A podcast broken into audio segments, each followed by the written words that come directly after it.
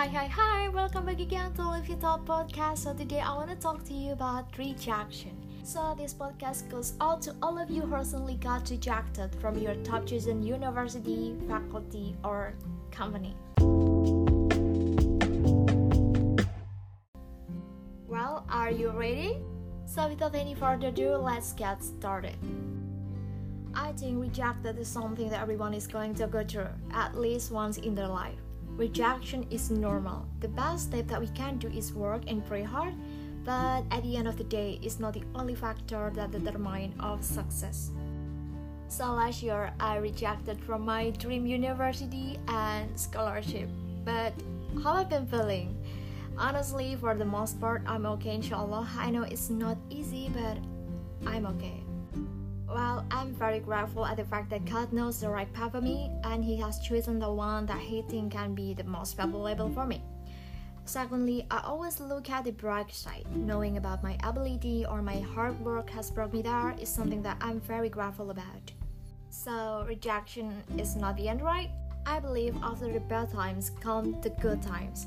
I thought this as if life was either all good or all bad. In every bad situation we are in, there is always something to be grateful for.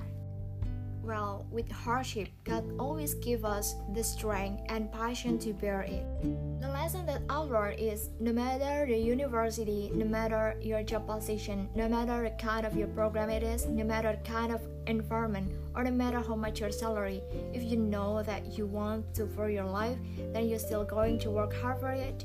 Hey, you are great and you are matter. And you still remember Every trial and error in your life will lead you become an amazing person. So honestly, going rejection in any university, scholarship, or company are not going to stop me from striving towards that what I want to do. I did my best and I try.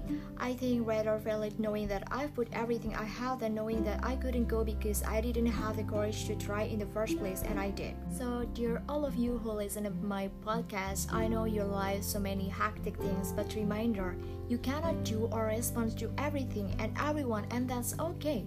Look at you you're still standing so tall despite everything that's happened. And this is some tips for you guys that help when you are feeling sad. Remember that you are changed a lot.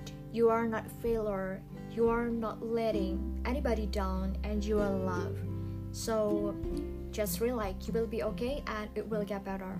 Just telling someone you trust and crying it out. And remember, you are worth it. You are great, you are tried, and maybe you are failing, but just put your mind to it.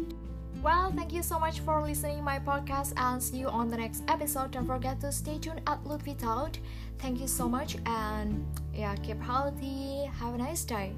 Goodbye.